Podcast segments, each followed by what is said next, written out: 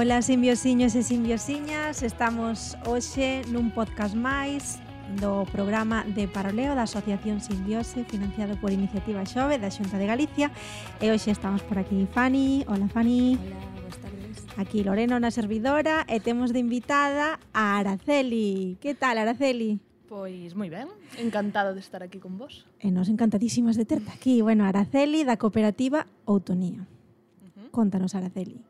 Que é iso de eutonía?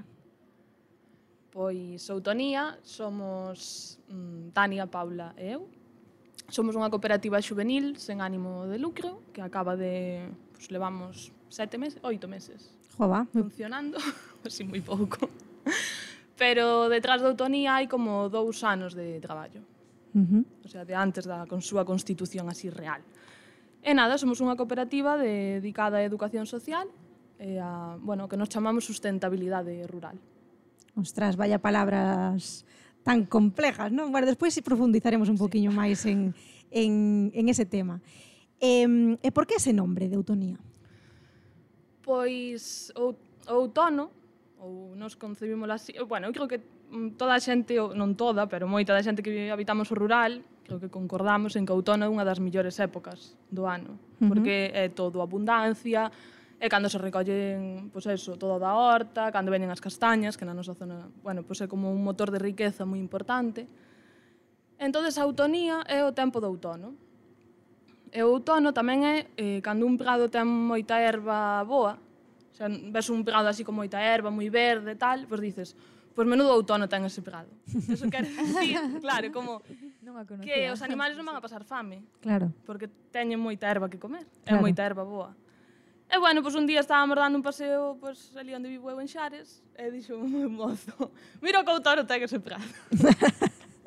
e dai como que lle empecé a dar voltas e dixen, jova, pois que palabra máis bonita que, que eu non conocía, que se estaba así como perdendo, non? E, bueno, estáse perdendo porque nos chaman de todo menos autonía. Autonomía... eh, autonomía. Autonomía é... Mm, bueno, que é autonomía. De todo menos autónia, eh, non sei, bueno, 50.000 cosas.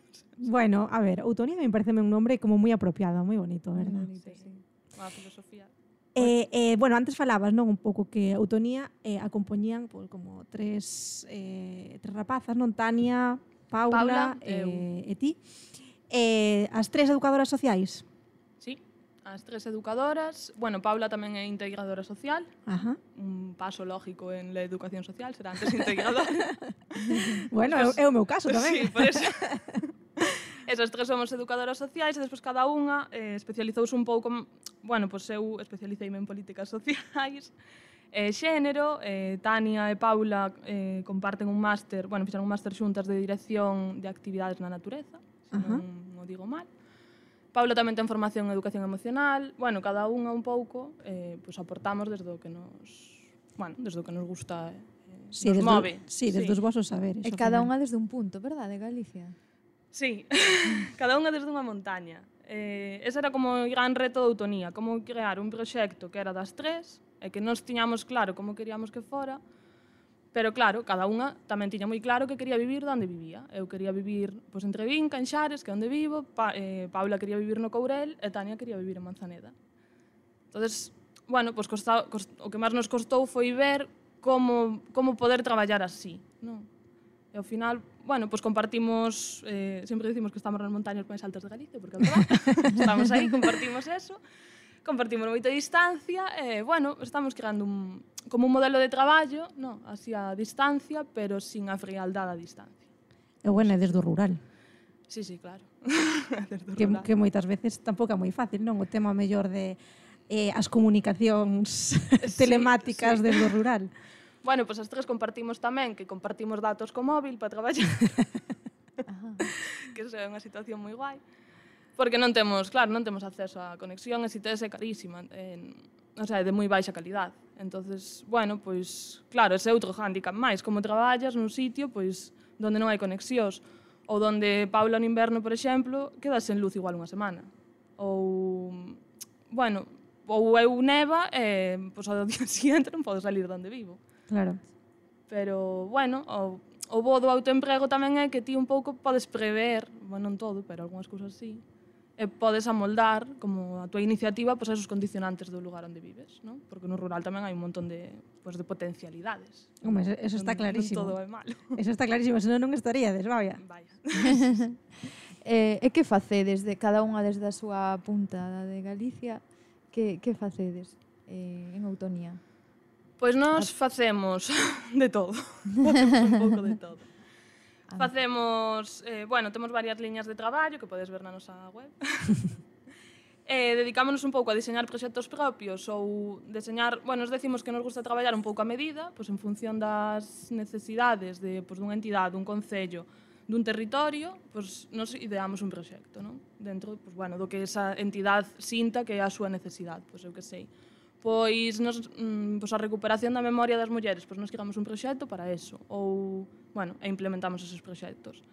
Despois tamén impartimos obradoiros, agora empezamos unha época intensa de obradoiros nas aulas, que, bueno, temos así varios proxectos con AMPAs, eh, pois de zonas rurais, e, eh, bueno, estamos traballando nos coles, pois, con obradoiros de igualdade e de educación afectivo-sexual, Eh, bueno, un pouco... Sí, un pouco de todo. Un pouco de todo, tamén roteiros interpretativos, porque, bueno, Paula e Tania están especializadas neso en educación ambiental, eh, entonces pois pues, tamén facemos, eu non, fan, rutas, eh, bueno, guiadas, interpretativas, desde unha lógica moito máis sostible e moito máis integrada no medio, non, non tanto como un turismo de espectáculos, non como un turismo de bueno, de entender ese lugar no que estás e de entenderlo desde o respeto. Igual me estou liando aquí un pouco. No, no, no, no. é moi interesante. Bueno, de feito, como que congenia un pouco ca entrevista que fixemos con... fai pouco sí. de Rute Art. Sí. Que bueno, tens que escoitar. Bueno, como o sea, genia no, con todas, porque tamén con entropía, a parte do rural. Sí, sí bueno. Todo. Mm. Eh, vai ser... É que eu creo que a xente que habitamos o rural compartimos un pouco esa visión de non querer ser un espectáculo, de non querer ser un parque de atraccións ou que, ai, que guai, la gente de Madrid que viene a pasar unos días e mira como viven los indígenas gallegos. No, non, como Calí, vivimos xente, eses lugares teñen vida, eses lugares teñen historia e son moito máis que un lugar o que ir a mirar. Son un mm. lugar que ten posibilidades para vivir. Entonces, mm. bueno, creo que un pouco a loita que facemos é desde aí. Uh -huh. Eh, antes comentábamos que, que bueno, Coutonía era unha cooperativa juvenil sin ánimo de lucro. Sí. Que é iso? Que é iso? Eutonía ten un nome máis largo con día sin pan. Como toda Eutonía, Sociedade Gal eh, Cooperativa Galega, juvenil, sen ánimo de lucro. Eh, ben, ser juvenil é que somos, eh, o sea, mm, para ser juvenil, máis do 50% das integrantes da cooperativa teñen que ter menos de 30 anos. Neste caso, Tania e eu. eh, entonces xa pode ser juvenil.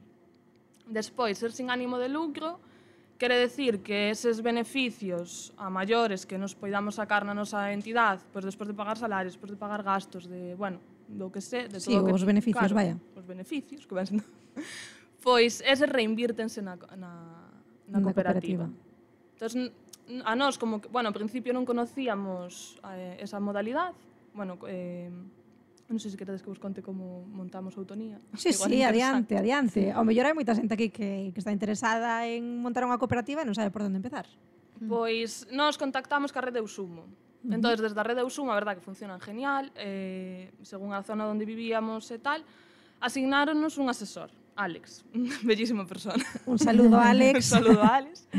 Entonces Alex acompañounos para montar todo, desde facer estatutos, eh, facer plan de empresa, modelos canvas, non sei cantas cousas máis. El tamén foi un pouco que nos asesorou de pois, pues, que modalidade nos... Com... Bueno, igual casaba cos valores que nos tiñamos, non? entonces pois, nos entendíamos a autonía, non... o sea, nos entendemos a autonía como un fogar. Esta é a, a la poesía.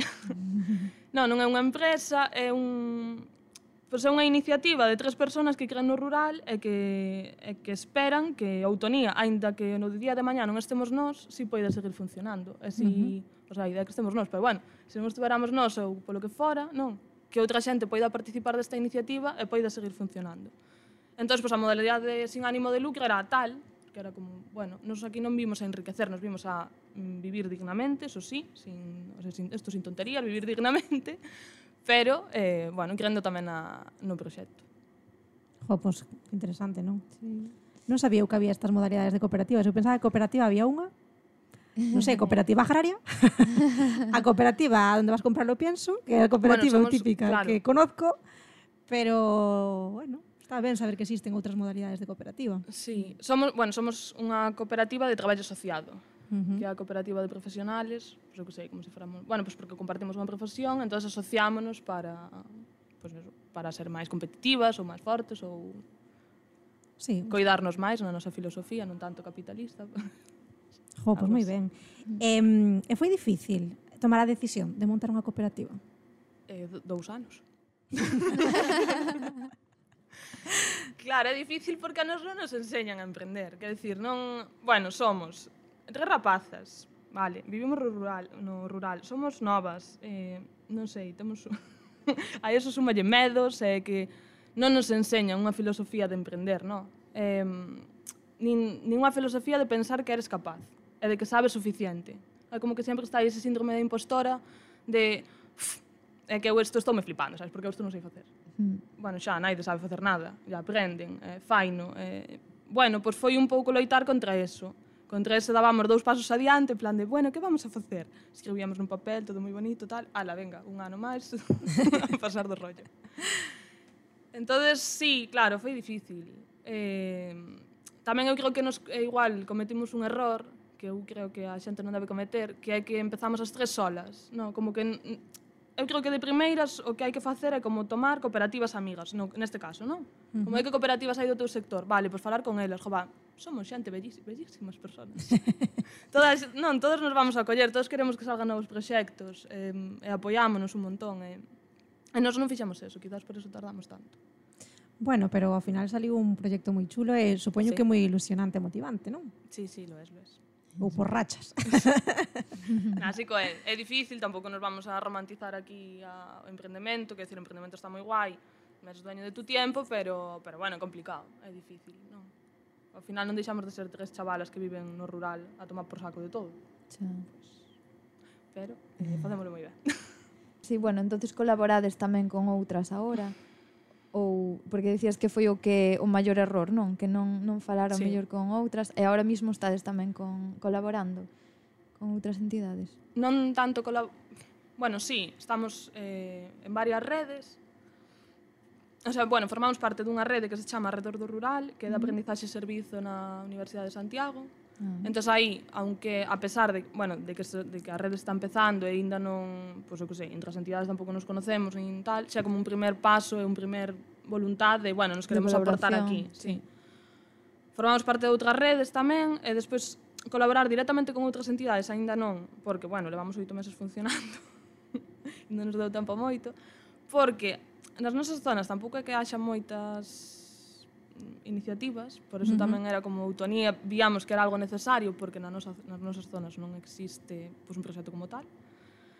Eh, e, eh, eh, bueno, hai como ideas, utopías, proxectos, pero aínda nada bueno, seguro nada que, firme. Seguro que servides de inspiración con, con todo o que estades facendo e agora a xente que nos escoita aquí en, en De Paroleo, seguro que servides de inspiración e empezan a nacer máis cousiñas. Ojalá.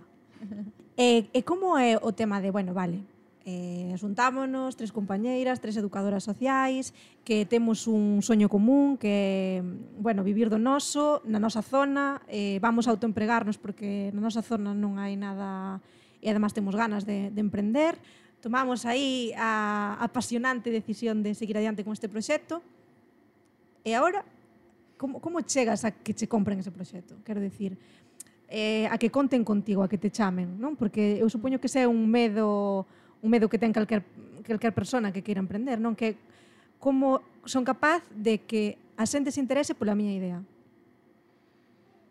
Pois é moi complicado. Porque claro, a tua idea enamórate a ti, non? Pero claro, tens que enamorar, non? Eh, non sei, no noso caso, o que fixemos, bueno, eu estuve eh, traballando un ano de autónoma na miña zona, Entonces eso como que me serviu tamén, o sea, que nos serviu tamén a nivel cooperativa para ver que era posible. Non como a experiencia de, bueno, a ver, se si sobreviví un ano de autónomo e era eu, era eu sola, pois pues ahora as tres unindo forzas e tal, mal será que non... Fui un pouco, eh? Mal será que non nos veía ben. Entonces, bueno, tiramos así moito de que contactos tiña cada unha, pois pues para empezar. Claro. Eh, claro, empezamos en febreiro, eh, nos empezamos traballando. O sea, empezamos con traballo. De feito, agora estamos facendo cousas, bueno, durante o verán estuvemos facendo cousas que queríamos facer cando empezáramos. Era, bueno, cando empecemos vamos a facer unhas dosieres, que as actividades que ofertamos, mandar aos concellos, ir a visitarlos, na nai de la China. Estamos traballando, e agora cando estamos nesa parte de, bueno, quizás hai que ir a presentarse. Claro. Eh, a ver, eu creo que que no rural hai ganas de que pasen cousas. O sea, hai moitas ganas de que pasen cousas. E hai que ir crendo neso, no? porque a veces estamos como ca desesperanza de, jo, vai, que aquí nunca pasa nada, é que aquí, pff, é que aquí somos catro gatos, catro vellas, e aquí non pasa nada. Bueno, pero é que é un sitio onde poden pasar todas as cousas que nos imaginemos e onde a xente necesita que ocurran. Entón, claro. ao final, eu creo que sí, que, ou polo menos co contacto que temos nos con proxectos similares, estamos funcionando. Non nos facemos ricas, que nadie se emocione, pero... pero sobrevivimos, coidámonos moito, temos tempo e facemos o que nos gusta que ao final é do que vai a vida. Pois eu penso que non hai mellor conclusión. Sí, non? a verdad. non hai mellor conclusión para ese podcast que, que, que a frase que nos acabas de decir. E non sei se nos poderías eh, decir pois, as vosas redes sociais, a vosa páxina web, para que os simbiosiños e simbiosiñas podan un pouco investigarvos a fondo. Eh, non sei se máis sei de... é Outonía Cop, C-O-O-P, non poñer unha ao solo, como sempre, punto gal, eu creo que sea a página web. Se non poñendo autonía, creo que salimos nós, eh, sí. é, un, é pouco máis. É igual a palabra no dicionario. no, si sí salen, salen. Temos Instagram, Facebook e e ya. E que vos sigan web. en todos os lados, vamos. Claro, sí, que nos chamen, temos teléfono, que nos chamen. Tedes correo electrónico, entendo? Temos correo electrónico, cada un, un. Cada unha, un bueno, correo. estades espléndidas, estades espléndidas. No, sí, pero bueno, que se, nos somos eso, abertas, hai moita xente que se pon en contacto con nós como para ver que, en que podemos colaborar ou, bueno, non sei, como ver este tipo de proxectos con que somos cercanos, no? que hai xente detrás. Sí, que además eh... podes, poden simplemente acercarse para preguntarvos sí, ou para Oye, mira, pois pues, que facedes, eh, sí. en que podo apoiarvos ou teño este proxecto, igual podremos sumar forzas, non? Hmm, sí, esa é un pouco a, bueno, a idea, nos estamos abertas a pues a todo. Pois maravilloso. animamos os a buscalas e a seguilas. E a participar en simbiose tamén. Eso, Exactamente. por suposto, eso por suposto. Eh, e nada, Araceli, pois nada, pois moitísimas gracias por tomarte o tempo de vir aquí, de parolear con nós, de contarnos un pouco a túa experiencia en esta cooperativa tan chula. E eh, nada, simios, señores e simios, señas, a sabedes, seguide aí a autonía para saber que máis cousiñas fan, ademais de estas catro pinceladas que nos contou que, que facían, porque, bueno, na, na súa páxina web teñen moita máis información sobre as cousiñas que fan, e esos cartafoles Hai literatura que... aí, hai literatura. de la metan, buena, de la metan, buena. e, eh, e nada, que vémonos entonces no próximo podcast. Sí. Boas tardes. Ata loguiño. Adiós.